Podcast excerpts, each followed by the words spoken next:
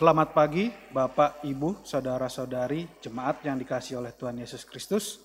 Ibadah online bulan budaya dari Papua, Maluku, NTT pada hari ini, Minggu 2 Agustus 2020 dilayani oleh Pendeta Thomas Kartomo, Pendeta GKI, Konsulen GKI Sarwa Indah.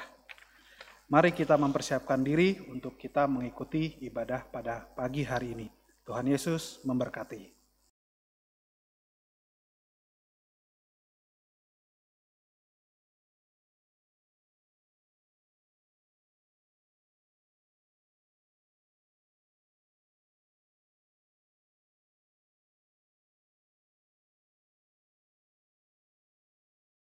Saudara, bulan ini kita merayakan keberagaman budaya di Indonesia.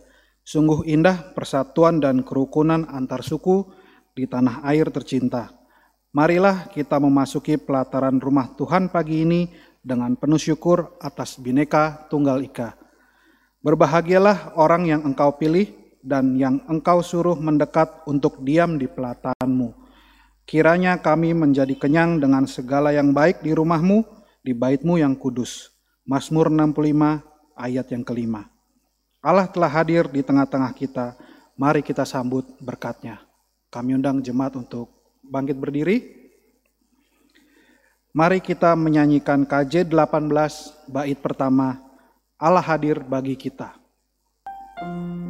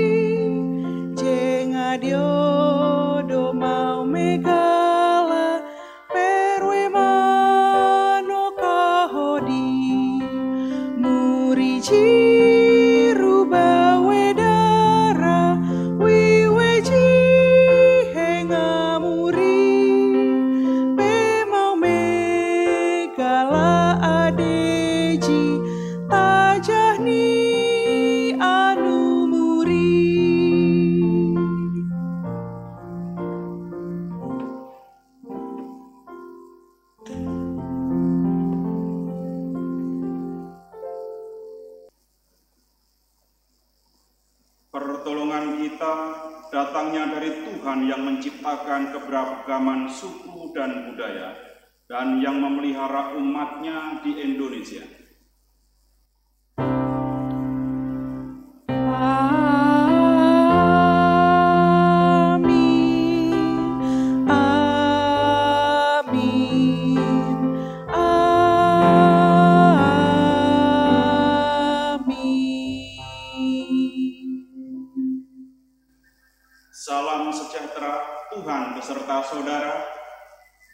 beserta saudara juga.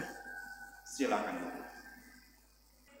Saudara, jika hati kita senantiasa terarah pada Tuhan, maka keberagaman suku, budaya, dan agama di Indonesia tidak akan menimbulkan benturan dan perpecahan. Terlebih di dalam gereja Tuhan, kita bersatu sebagai umat Tuhan tanpa memandang ras, suku, budaya, dan strata, dan strata ekonomi. Kita mengesampingkan ego dan kepentingan pribadi untuk beribadah dan bersama melayani dengan satu tujuan, yaitu kemuliaan Tuhan. Adakah kita telah menempatkan budaya di atas ibadah kita yang sejati kepada Tuhan? Adakah kita telah membiarkan ego dan sentimen sukuisme menghalangi, kasih kita kepada sesama? Mari kita memiliki hati kita masing-masing dan meminta pertolongan Tuhan agar kita dimampukan untuk hidup bersatu tanpa memandang perbedaan. Kami persilahkan jemaat untuk berdoa, berdoa secara pribadi terlebih dahulu dan kami akan menutupnya dengan doa pengakuan dosa.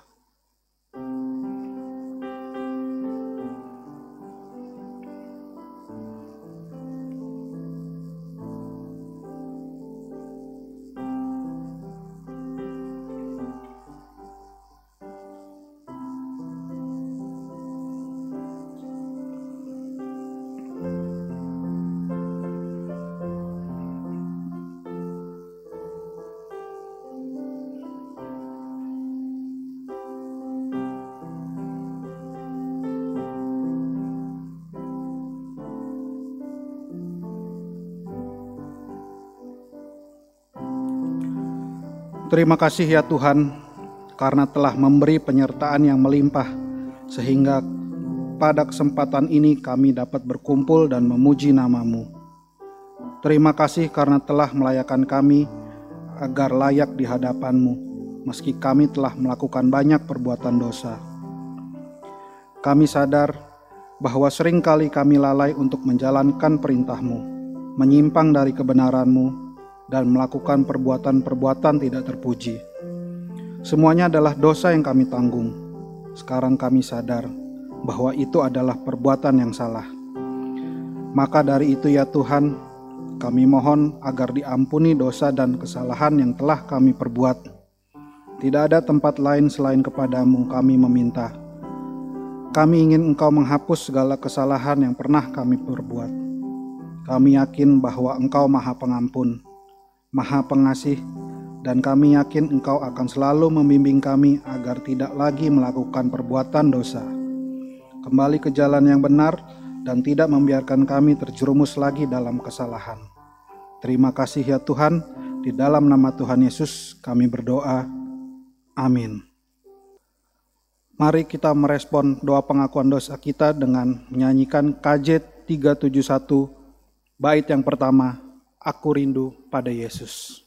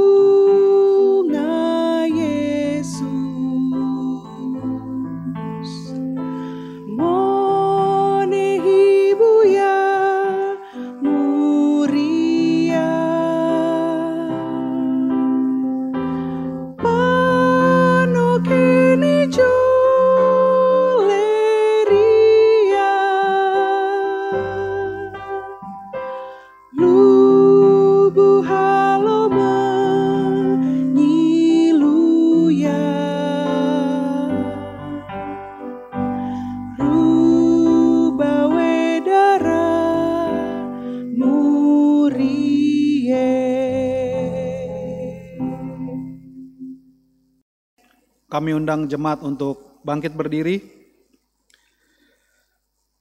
Kasih karunia Allah Bapa yang besar memastikan bahwa pertolongannya selalu tersedia bagi kita pada waktunya. Seperti firman-Nya, sebab itu marilah kita dengan penuh keberanian menghampiri tahta kasih karunia supaya kita menerima rahmat dan menemukan kasih karunia untuk mendapat pertolongan kita pada waktunya. Diambil dari Ibrani 4 ayat yang 16. Demikianlah berita anugerah dari Tuhan. Syukur kepada Allah. Mari kita merespon berita anugerah kita dengan menyanyikan KJ 389 bait pertama dan ketiga. Besarlah kasih Bapakku.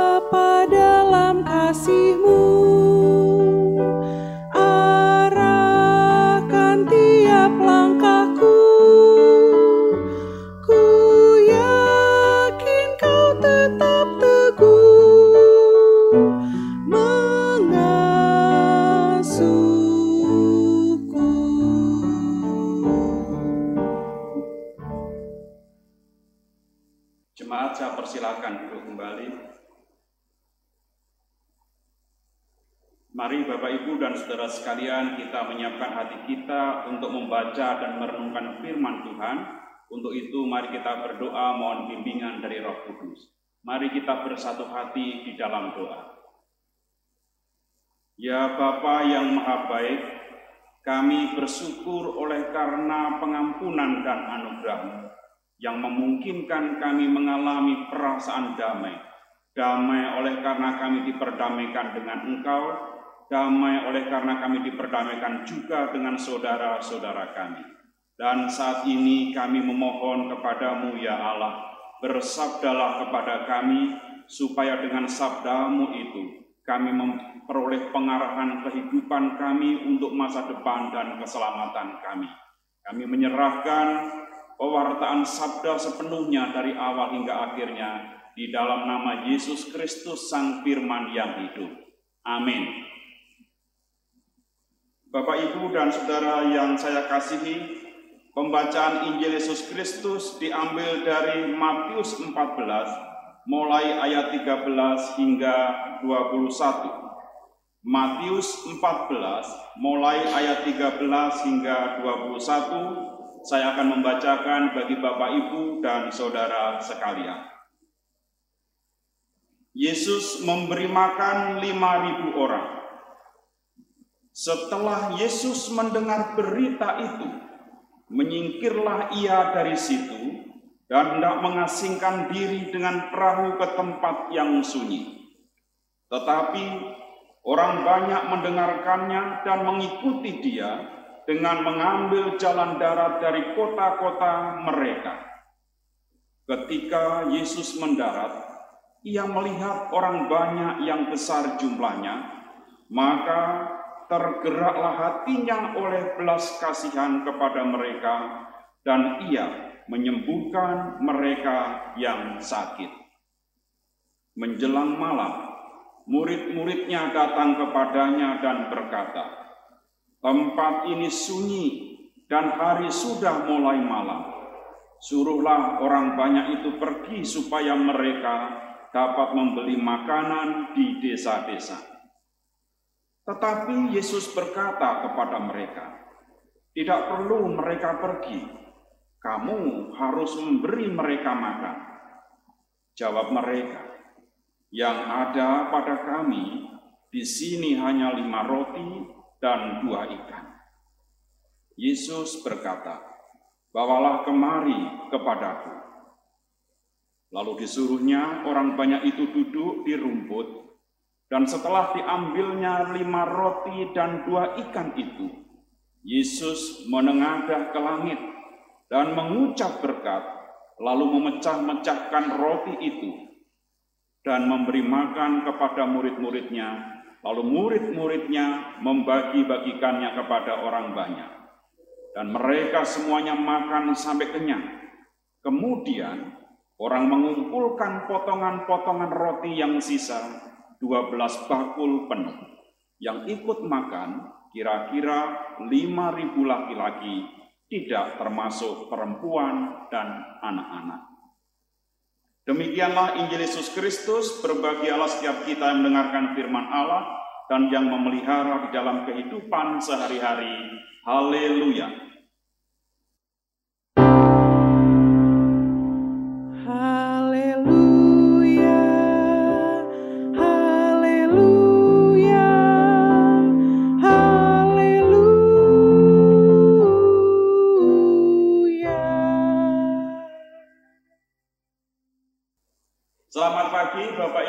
Saudara sekalian, baik yang di rumah ibadah ini, di gereja ini, yang di rumah bersama keluarga, dan juga pemirsa, semuanya di mana pun Anda berada.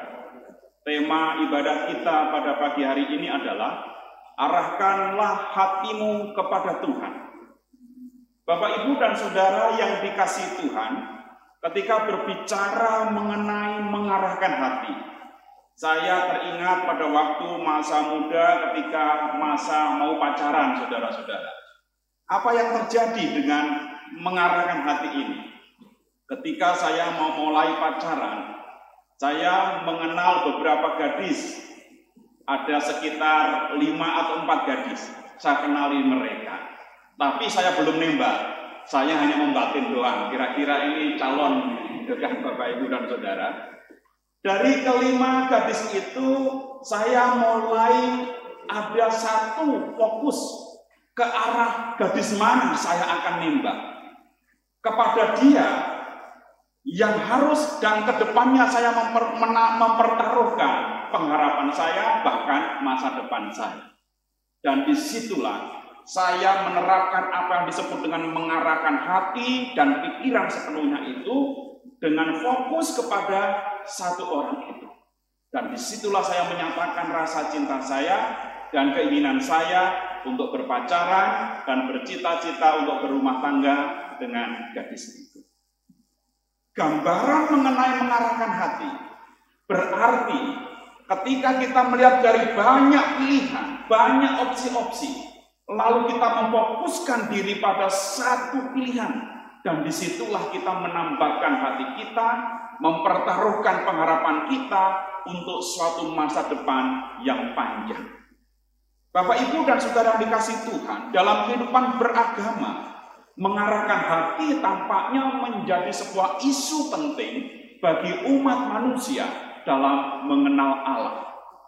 Dalam agama-agama tertentu mengenai ibadah, penyembahan, ataupun berdoa, memuja Tuhannya. Mereka menganut sistem yang namanya mengarahkan hati. Kata mengarahkan ini disebut juga dengan bahasa yang lebih keren Bapak Ibu disebut dengan kiblat. Agama-agama tertentu di dalam beribadah, di dalam berdoa, di dalam memuja Tuhan, mengenal yang namanya kiblat. Orang Yahudi ketika beribadah, ketika berdoa berkiblat ke Yerusalem, Orang Samaria ketika mereka ber, ber, berdoa, beribadah, kiblatnya adalah ke Gunung Gerisi. Umat Hindu mungkin ketika ber, beribadah, kiblatnya ke satu tempat yang tinggi, Mahameru. Agama Sinto mungkin ketika beribadah mereka mengarahkan hati dan pemujaan mereka kepada matahari. Orang Kristen kiblatnya ke mana? Yesus ketika berjumpa dengan perempuan Samaria, Lalu perempuan Samaria itu menjelaskan bahwa kami menyembah Tuhan yang berkiblat ke Gunung Gerizim. Lalu Yesus menjelaskan, dan itu yang dianut orang Kristen, bahwa penyembah-penyembah benar akan menyembah Allah di dalam roh dan kebenaran. Yohanes 4 ayat 23 sampai 24. Bapak Ibu, apa sih sesungguhnya kiblat itu? Kiblat, kalau saya membandingkan dengan bahasa Arabnya itu kiblat. Kiblat atau kiblah berarti arah. Arah yang dituju oleh umat ketika beribadah termasuk sembahyang ataupun salat. Selain untuk salat, kiblat ini penting sekali bagi umat. Sebagai contoh, saya ambil contoh adalah umat muslim. Jenazah seorang muslim saat akan dimakamkan, kiblatnya harus jelas. Arahnya harus jelas. Arah yang dianjurkan untuk berdoa. Arah wajah binatang saat disembelih, kiblatnya jelas. Arah jenazah ketika dimakamkan, kiblatnya jelas. Bahkan dua arah yang dihindari, yaitu arah pada saat buang air ataupun saat membuang dahak. Kiblat atau arah ini penting. Bagi pembacaan kita pada pagi hari ini, dalam situasi yang sangat politeistik, di mana ada begitu banyak tuan ataupun ilah-ilah yang disembah oleh umat pada saat itu, yang disembah oleh umat manusia pada umumnya, Allah mengingatkan kembali kepada bangsa Israel, Yesus mengingatkan kembali kepada para muridnya dan pengikutnya, pentingnya dalam ibadah ini mengarah kepada satu kiblat atau arah yang jelas. Arah yang seperti apa? Tema kita hari ini mengarahkan kita supaya arah hati kita adalah berkiblat kepada Tuhan. Bagaimana kita memahami artinya mengarahkan hati kepada Tuhan ini? Bapak, Ibu, dan saudara sekalian, ketika kita berbicara tentang arah dan yang harus diarahkan adalah hati kita, mari saya mengajak perspektif yang melatar belakangi kenapa yang diambil kata atau frasenya adalah mengarahkan hati. Kata hati, Bapak Ibu, di dalam kitab perjanjian lama ini sebenarnya menjelaskan kepada terjemahan arti kata jantung. Jadi mengarahkan hati berarti mengarahkan jantung kita. Apa artinya mengarahkan jantung kita? Kita diingatkan bahwa jantung adalah detak kehidupan manusia. Semburan darah kita bersumber dari jantung itu. Bahkan Bapak Ibu kalau kita belajar tentang peristiwa pertumbuhan anak manusia. Seorang anak manusia diakui kehidupannya di dalam rahim ibunya. Dihitung mulai sejak ada detak jantungnya. Dari detak jantung itu adalah diakui awal kehidupan. Jadi mengarahkan hati, mengarahkan jantung kita diingatkan. Supaya sejak detak kehidupan kita yang pertama, detak jantung kita yang pertama itu, sampai pada detak jantung kita yang terakhir, yaitu kematian kita, kita diingatkan untuk senantiasa arahkanlah hatimu, kiblatkanlah jantungmu itu hanya kepada Tuhan. Ini dimensi yang pertama, bahwa kita mengarahkan hati kita seumur hidup kita hanya kepada Tuhan. Yang kedua, makna mengarahkan hati bisa berarti mengarahkan kehendak. Mengarahkan kehendak itu artinya mengarahkan niat kita, gairah kita, passion kita. Seluruh kehendak kita, keinginan pikiran kita, energi kehidupan kita hanya diarahkan kepada Tuhan. Apa yang kita pikirkan, apa yang kita niatkan, apa yang kita kehendaki. Ingat, jangan sesuai dengan arah kedaginganmu. Kehidupan pribadimu, pikiran pribadimu tetapi melalui tema dan pembacaan kitab hari ini kita diingatkan, ayo arahkanlah kepada Tuhan. Lalu ketika kita membaca teks Matius 14 ayat 13 sampai 21 ini Bapak Ibu, ada suatu gambaran historis yang ditunjukkan bagaimana mengenai sikap mengarahkan hati ini yang didemonstrasikan baik oleh Yesus ataupun oleh para pengikut Yesus yang dalam konteks ini saya ambil contoh adalah anak-anak. Kenapa saya katakan anak-anak? Kalau kita membaca di dalam teks lain atau perikop lain Bapak Ibu, maka dua roti, lima roti dan dua ikan ini adalah sumbernya dari anak-anak. Ini menginspirasi kita. Ada dua tokoh yang saya soroti, yaitu Yesus dan yang kedua adalah anak-anak. Mengapa Yesus? Perhatikan Bapak Ibu ketika Yesus mau mengatasi kesulitan. Sementara murid-murid berpikir ada ribuan orang, lima ribu orang laki-laki, belum istrinya, belum anaknya. Bagaimana ini mereka mendapatkan makan ketika hari sudah mulai senja? Bapak Ibu dan Saudara sekalian, Yesus mengatakan kepada mereka, engkau harus memberi mereka makan. Lalu ketika murid mengatakan, di tempat ini hanya ada lima roti dan dua ikan. Bagaimana mungkin itu cukup bagi ribuan orang semacam ini? Yesus menjelaskan. Yesus mendemonstrasikan artinya mengarahkan hati, mengarahkan kiblat, mengarahkan penyembahan dan juga pemujaan kepada Tuhan. Apa yang Yesus lakukan? Yesus mengambil roti lalu mengangkat dan mengucap syukur. Perhatikan Bapak Ibu, mengangkat dan mengucap syukur ini menunjukkan arah ke atas, kiblat ke atas, bahwa sumber makanan ini adalah yang dari atas, yang dari Tuhan. Di situlah kiblat pertama yang disimbolkan, yang didemonstrasikan oleh Yesus itu, bahwa pengucapan syukur merupakan bentuk pengarahan hati. Pengucapan syukur adalah sebuah kesadaran bahwa seluruh makanan adalah energi kehidupan yang sumbernya dari Tuhan. Berapapun jumlah makanan itu, semua patut untuk disyukuri seberapa banyaknya ataupun seberapa sedikitnya makanan itu, semuanya itu patut disyukuri di hadapan Tuhan karena itu adalah cara penyembahan yang baik yang diungkapkan dan diajarkan oleh Yesus Kristus. Jadi Yesus mendemonstrasikan artinya pentingnya, pentingnya dalam kehidupan sehari-hari ini kiblat kita tetap ke atas. Bahkan untuk urusan makanan, untuk urusan perut kita saja, Yesus mengingatkan, ayo angkat makananmu, ucapkan syukur, artinya apa? Ingat sang penciptamu, sang pemelihara kehidupanmu yang memberi makanan dan minuman dalam kehidupan sehari-hari. Ini untuk praktek kehidupan sehari-hari, selalu ingatlah mengucap syukur atas apa yang kita makan dan kita minum. Yang kedua Bapak Ibu, yang tidak dijelaskan secara eksplisit dalam Injil Matius, tapi di Injil yang lain dijelaskan secara eksplisit bahwa anak-anak itu menyajikan, dikumpulkan ada lima roti dan dua ikan. Apa yang dimaksudkan dari semuanya ini? Bapak Ibu, anak-anak yang memberikan lima roti dan dua ikan ini adalah anak-anak yang dijelaskan mereka membawa bekal untuk makan mereka. Kalau saya gambarkan, kalau anak-anak tidak makan karena rotinya diberikan kepada para murid Yesus, maka ini adalah taruhannya rasa lapar mereka. Bagi anak-anak sederhana, makanan itu hal yang penting, tapi memberikan kepada orang lain itu hal yang luar biasa. Ini adalah penyerahan hidup.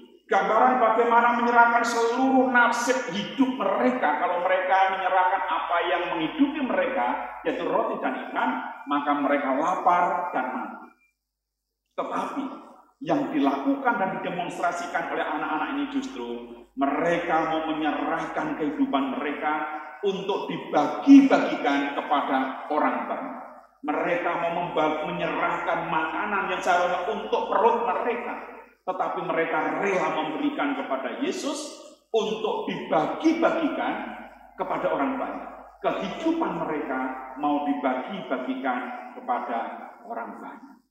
Ini adalah demonstrasi dari dua tokoh yang ditunjukkan di dalam Injil yang kita baca tadi. Bahwa ada yang mengingatkan kita perlu mengucap syukur. Pada sisi yang lain kita diingatkan kita mesti berani menyerahkan bahkan meletakkan nasib hidup mereka untuk diserahkan kepada Tuhan dan bahkan dibagi-bagikan kepada orang lain. Bapak Ibu dan Saudara yang saya kasih di dalam Tuhan Yesus Kristus. Kalau kita memperhatikan bahwa Orang-orang yang mengarahkan hati kepada Tuhan dengan memberikan hidupnya ini sungguh memberi dampak yang sangat luar biasa bagi lingkungan dan komunitasnya. Mereka, anak-anak ini yang memberikan makan, memberikan roti kepada Yesus ini, ternyata mempunyai efek yang luar biasa, daya pengaruh yang luar biasa. Kenapa saya katakan demikian? Bapak Ibu, dari ketika kita membaca Injil Matius pasal 14 mengenai Yesus memberikan makan 5.000 orang, yang sumber makanannya hanya lima roti dua ikan ini, di dalam tafsir ahli-ahli teologi mengacu kepada dua kelompok besar. Yang pertama kelompok adalah kelompok penganut mujizat yang mengatakan bahwa lima roti dua ikan ini berubah menjadi banyak. Berubah menjadi banyak sehingga mencukupi untuk lima ribu orang lebih. Bapak Ibu dan Saudara yang saya kasihi, jika kita berpikir bahwa lima roti dan dua ikan itu dipahami bukan sebagai sumber satu-satunya makanan pada saat itu, maka dapat dikatakan bahwa melalui tindakan anak-anak yang memberikan roti dan ikan itu telah menggerakkan ribuan orang untuk mau berbagi, memberikan hidupnya yang disimpulkan oleh roti dan ikan itu sehingga orang banyak menjadi kenyang dan tidak kelaparan, bahkan kelebihan. Inilah semangat apa pun tafsirnya, baik secara mujizat maupun secara historis, bahwa orang-orang digerakkan oleh semangat untuk membagi kehidupannya, endingnya adalah mereka keduanya menjadi berkat. Bapak Ibu dan saudara yang saya kasih di dalam Tuhan Yesus, sebagai umat yang menyembah Tuhan bagi kita sekarang ini, kita diingatkan untuk mengarahkan hati. Apa makna yang harus kita pahami dan kita resapi? Yang pertama, bahwa mengarahkan hati bagi kita sekarang adalah supaya secara vertikal kita berkiblat kepada Tuhan, bukan kepada ilah lain, bukan kepada yang lain, Mungkin kita tidak menyembah patung, tidak menyembah ilah, tetapi kita menyembah semua, kita mengutamakan hal-hal yang bukan Tuhan. Di situ menjadi cara kita tidak berkiblat kepada Tuhan. Dan hari ini kita diingatkan. Kerja itu penting, mencari duit itu penting. Tetapi kalau itu menjadi kiblat hidup Anda, di sini kita diingatkan. Jangan itu kiblatnya. Tapi berkiblatlah kepada Tuhan sehingga kerjamu menjadi baik. Sehingga uangmu menjadi berkat bagi banyak orang. Yang kedua, kita diingatkan supaya kita mengarahkan hati yang punya makna supaya secara horizontal kita berkiblat kepada orang banyak yang disimpulkan 5000 orang itu. Dengan cara demikian kita bukan berkiblat hanya karena kita sanggup roti dan ikan untuk perut kita sendiri, tetapi kita mulai berbagi bahkan mau memberikan kepada orang lain. Ini adalah simbol dari gambaran supaya kita tidak berkiblat hanya kepada perut sendiri, tapi kita turut mau memikirkan kelaparan yang dialami oleh perut orang lain. Bapak Ibu, saya pernah membaca sebuah artikel, ini kejadiannya di Jawa Barat, di Sukabumi, katanya artikel ini. Ada seorang ibu yang keadaannya sangat miskin, tidak tahu terinspirasi dari mana, dari cerita e, mana. Ibu ini karena anaknya kecil setiap malam menangis karena lapar, Ibu ini mengambil sikap yang mengambil uh, mengambil batu untuk dimasak. Dan dimasak itulah anak disuruh menunggu. Karena capek nanti masakannya nggak matang-matang. Mana mungkin roti menjadi uh, roti. Batu menjadi matang bapak ibu ibunya ini sengaja memakai metode itu supaya anaknya lelah karena menunggu sampai akhirnya tertidur. Dan itu dilakukan setiap malam ketika anaknya menangis. Ibu ini mengambil roti dan mengatakan ayo mama mau memasak ini. Lalu karena nunggu gak matang-matang, batunya itu Bapak Ibu anak ini tertidur, lalu gak nangis lagi. Tetapi yang menarik adalah cerita tentang ibu yang memasak roti bagi anak yang menangis, dan anak yang nangis itu sampai tertidur. Karena capek nangis Bapak Ibu, terdengar oleh masyarakat sekitarnya. Mereka yang tadinya tidak peduli menjadi iba. Kok ada ya di zaman sekarang ini, ibu sampai menderita anaknya kelaparan seperti itu. Lalu masyarakat berkumpul, mulai mengumpulkan makanan dan berbagi kepada ibu ini. Dan akhir yang terjadi adalah ibu ini mendapat santunan dari masyarakat sekitar yang tadinya cuek, yang tadinya hanya berfokus kepada urusan perutnya sendiri, perut keluarganya sendiri, tapi mereka akhirnya memutuskan untuk merawat keluarga ini, menyantuni keluarga ini, dan pada akhirnya bisa hidup dengan layak dan tidak kelaparan. Ini adalah kiblat yang ditunjukkan oleh Yesus diajarkan kepada kita. Ibadah, agama, penyembahan kepada Tuhan tidak hanya berfokus kita berdoa ke atas, tetapi lihat, terinspirasi oleh anak kecil yang memberikan roti dan ikannya untuk orang banyak. Apa yang dilakukan oleh masyarakat yang mau menolong seorang ibu ini supaya menjadi pengingat bagi kita yang hari ini diingatkan, arahkanlah hatimu kepada Tuhan, tetapi juga hari ini kita diingatkan, ayo kita turut ambil bagian di dalam memberi makan 5.000 orang. 5.000 adalah sebuah simbol di mana kita harus memperhatikan masyarakat sekitar kita. Mari Bapak Ibu, baik yang di tempat ibadah ini, yang di rumah, ataupun di mana pun saudara berada, saat ini Tuhan mengajak kita mengarahkan hati kepada Tuhan, bukan kepada ilah lain. Mengarahkan hati kepada Tuhan, ingat sesama kita, bukan hanya ingat perut kita. Di mana pun saudara bekerja, di mana pun saudara berada, berusaha, ingatlah bahwa kita menyembah Tuhan, tapi juga kita boleh ambil bagian di dalam menolong sesama kita. Tuhan memberkati kita. Amin.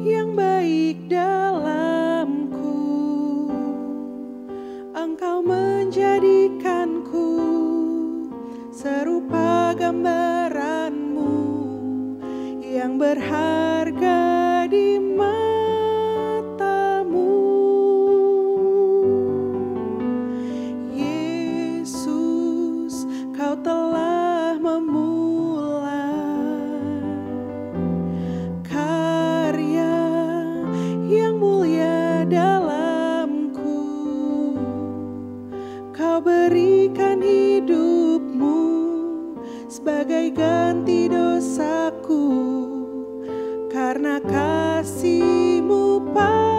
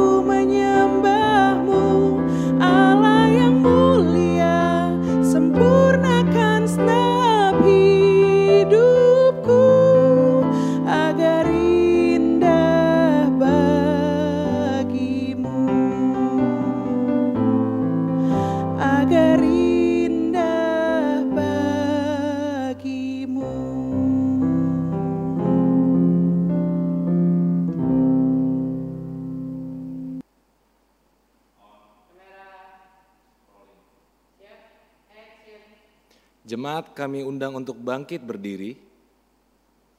Marilah kita bersama dengan umat Allah di masa lalu, masa kini, dan masa depan, mengingat pengakuan pada baptisan kita menurut pengakuan iman rasuli. Aku percaya kepada Allah, Bapa yang Maha Kuasa, Halik langit dan bumi, dan kepada Yesus Kristus anaknya yang tunggal Tuhan kita, yang dikandung dari roh kudus, lahir dari anak darah Maria, yang menderita sengsara di bawah pemerintahan Pontius Pilatus, disalibkan, mati dan dikuburkan, turun dalam kerajaan maut, pada hari yang ketiga, bangkit pula dari antara orang mati, naik ke surga, duduk di sebelah kanan Allah, Bapa yang Maha Kuasa, dan dari sana ia akan datang untuk menghakimi orang yang hidup dan yang mati. Aku percaya kepada roh kudus, gereja yang kudus dan am, persekutuan orang kudus, pengampunan dosa, kebangkitan orang mati, dan hidup yang kekal. Amin. Jemaat, persilahkan untuk duduk kembali. Mari kita bersatu di dalam doa. Puji dan syukur kembali kami panjatkan kepadamu ya Tuhan. Kami boleh ada sampai saat ini, itu semua karena kasih dan kebaikanmu. Di saat ini kami kembali kepadamu untuk menaikkan doa syafaat kami. Saat ini kami merindukan sebuah bangunan gereja yang di mana telah lama kami perjuangkan. Beri petunjuk bagi kami ya Tuhan, dan berilah kami kekuatan untuk dapat mewujudkannya. Kami berserah agar roh kudusmu menuntun kami dan hikmatmu menyertai kami. Kami percaya engkau pasti memberikan indah pada waktunya. Tetapi kami juga tidak lupa untuk bersyukur ya Tuhan, sampai saat ini kami masih bisa beribadah di sekretariat ini dan di sekolah Nusa Indah. Terima kasih atas situasi dan kondisi yang mendukung hingga saat ini, dan kami bisa beribadah dengan tenang. Diberkatilah orang-orang di sekitar yang telah mendukung kami beribadah. Doa kami juga agar kami bisa kami bisa menjadi berkat bagi mereka yang ada di sekitar kami. Inilah doa yang menjadi kerinduan jemaatmu di tempat ini. Tidak hanya kerinduan, tapi juga selidikilah ya Tuhan, agar bukan kehendak kami, tetapi kehendakmu saja yang terjadi. Di dalam nama Tuhan Yesus kami telah berdoa. Bapa hambamu melanjutkan rasa syukur dan permohonan kami. Kami bersyukur untuk saudara-saudara kami yang boleh berulang tahun. Bapak Wimertua Haradongan, Ibu Sri Rezeki Purbono, Ibu Tati Esyahaya, Saudari Agusta Fionita, Ibu Ratna Simangunsong Santoso, Saudara Henry Geluk Purbono. Kiranya apa yang mereka alami dalam sukacita ulang tahun ini menjadi pengingat bahwa Tuhan begitu baik kepada mereka semuanya dan mereka senantiasa juga mengarahkan hati kepada Tuhan. Berkatilah masa depan mereka, karuniakan kesehatan, perlindungan, kebahagiaan, serta berkat yang luar biasa. Kami pun mengingat saudara-saudara kami yang sakit, yang dirawat di rumah sakit. Kami berdoa untuk Bapak Yonata Daily, untuk Bapak Rudi Pasaribu, berkati ya Tuhan, pengobatan mereka ketika mereka dirawat maupun rawat jalan, kiranya semua yang mereka lakukan boleh mendatangkan kebaikan bagi tubuh jasmani mereka yang akan mendatangkan kekuatan baru untuk mengingat dan menyembah Tuhan kembali. Kami juga berdoa untuk saudara-saudara kami yang dalam proses pemulihan, Ibu Gustina Pasaribu Boru Marpaung, Ibu Mami Palon, Ibu Sarajaya Sumadi, Ibu Hana Panjaitan, Ibu Yulia Kristianti, Ibu Virginia Samanta Sapang, Bapak Christian Hutagalung, Ibu Nike Elizabeth Buki, Ibu Maria Magdalena, Bapak Wahyu Hidayat, ayahanda dari Saudara Christian Dewantara, demikian juga Ibu Yohana Triani, ibunda dari Saudara Christian Dewantara, Bapak Elisa Hia, Ibu Lina Limbong Sagala, Berkatilah mereka semuanya ya Tuhan, supaya pemulihan mereka menjadi sempurna adanya, dan mereka boleh kembali dalam kondisi sehat walafiat seperti sedia kala. Kami mengharapkan kemurahan dan mujizatmu semata yang mengerjakan melalui cara-cara medis maupun non-medis. Kami menyerahkan seluruh doa kami ini di dalam nama Yesus Kristus yang mengajarkan kami berdoa, Bapa kami. Bapa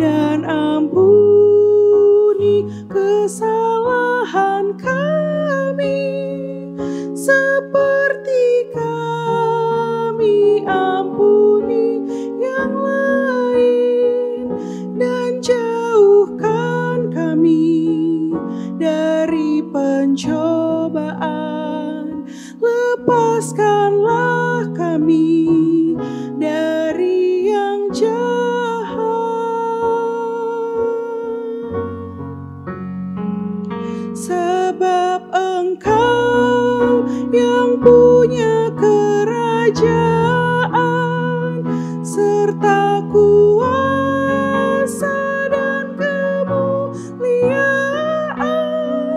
sampai selama-lamanya. Amin.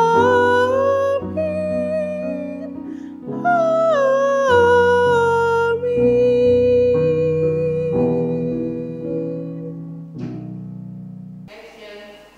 Saudara-saudara, dengan sukacita mari kita sampaikan persembahan syukur kita karena berkat Tuhan yang telah tercurah atas kita. Seperti firman-Nya dalam Mazmur 133 ayatnya yang ketiga. Seperti embun gunung Hermon yang turun ke atas gunung-gunung Sion. Sebab ke sanalah Tuhan memerintahkan berkat, kehidupan untuk selama-lamanya. Mari kita menyanyi dari lagu Kidung Jemaat 403, baitnya yang pertama, Hujan berkatkan tercurah. Hujan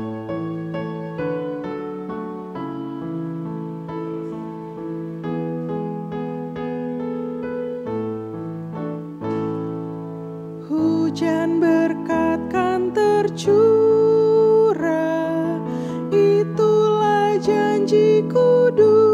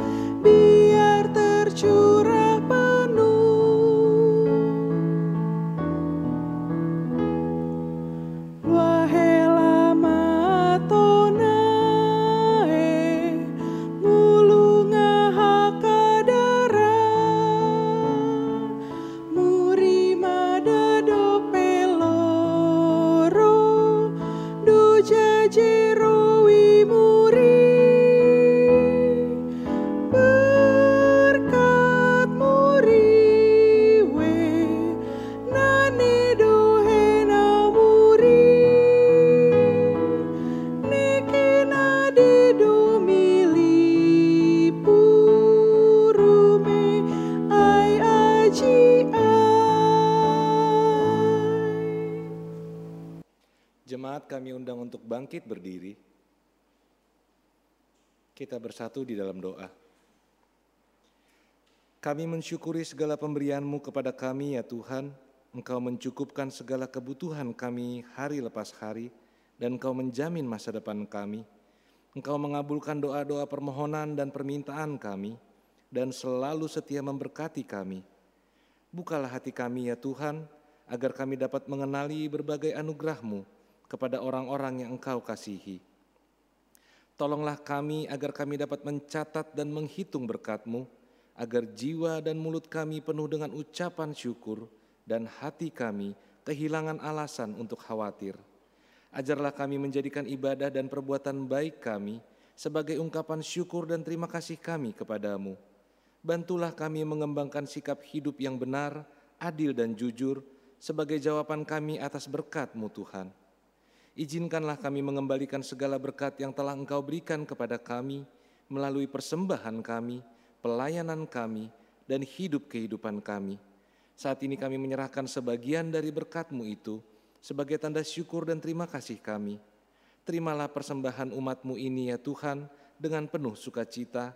Mulialah nama Tuhan melalui seluruh hidup kami. Kami membawa doa dan syukur kami ini di dalam Yesus Kristus, Tuhan dan Juru Selamat kami. Amin.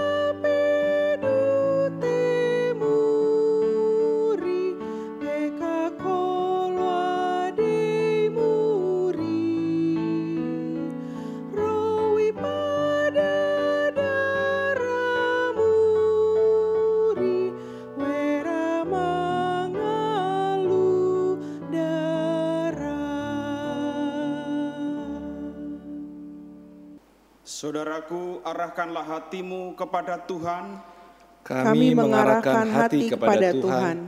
jadilah saksi Kristus, Syukur kepada Allah, terpujilah Tuhan. kini dan selamanya. Sekarang saudara bukalah hati dan pikiranmu dan terimalah berkat Tuhan. Tuhan memberkati engkau dan melindungi engkau. Tuhan menyinari engkau dengan wajahnya dan memberi engkau kasih karunia. Tuhan menghadapkan wajahnya kepadamu dan memberi engkau damai sejahtera. Haleluya.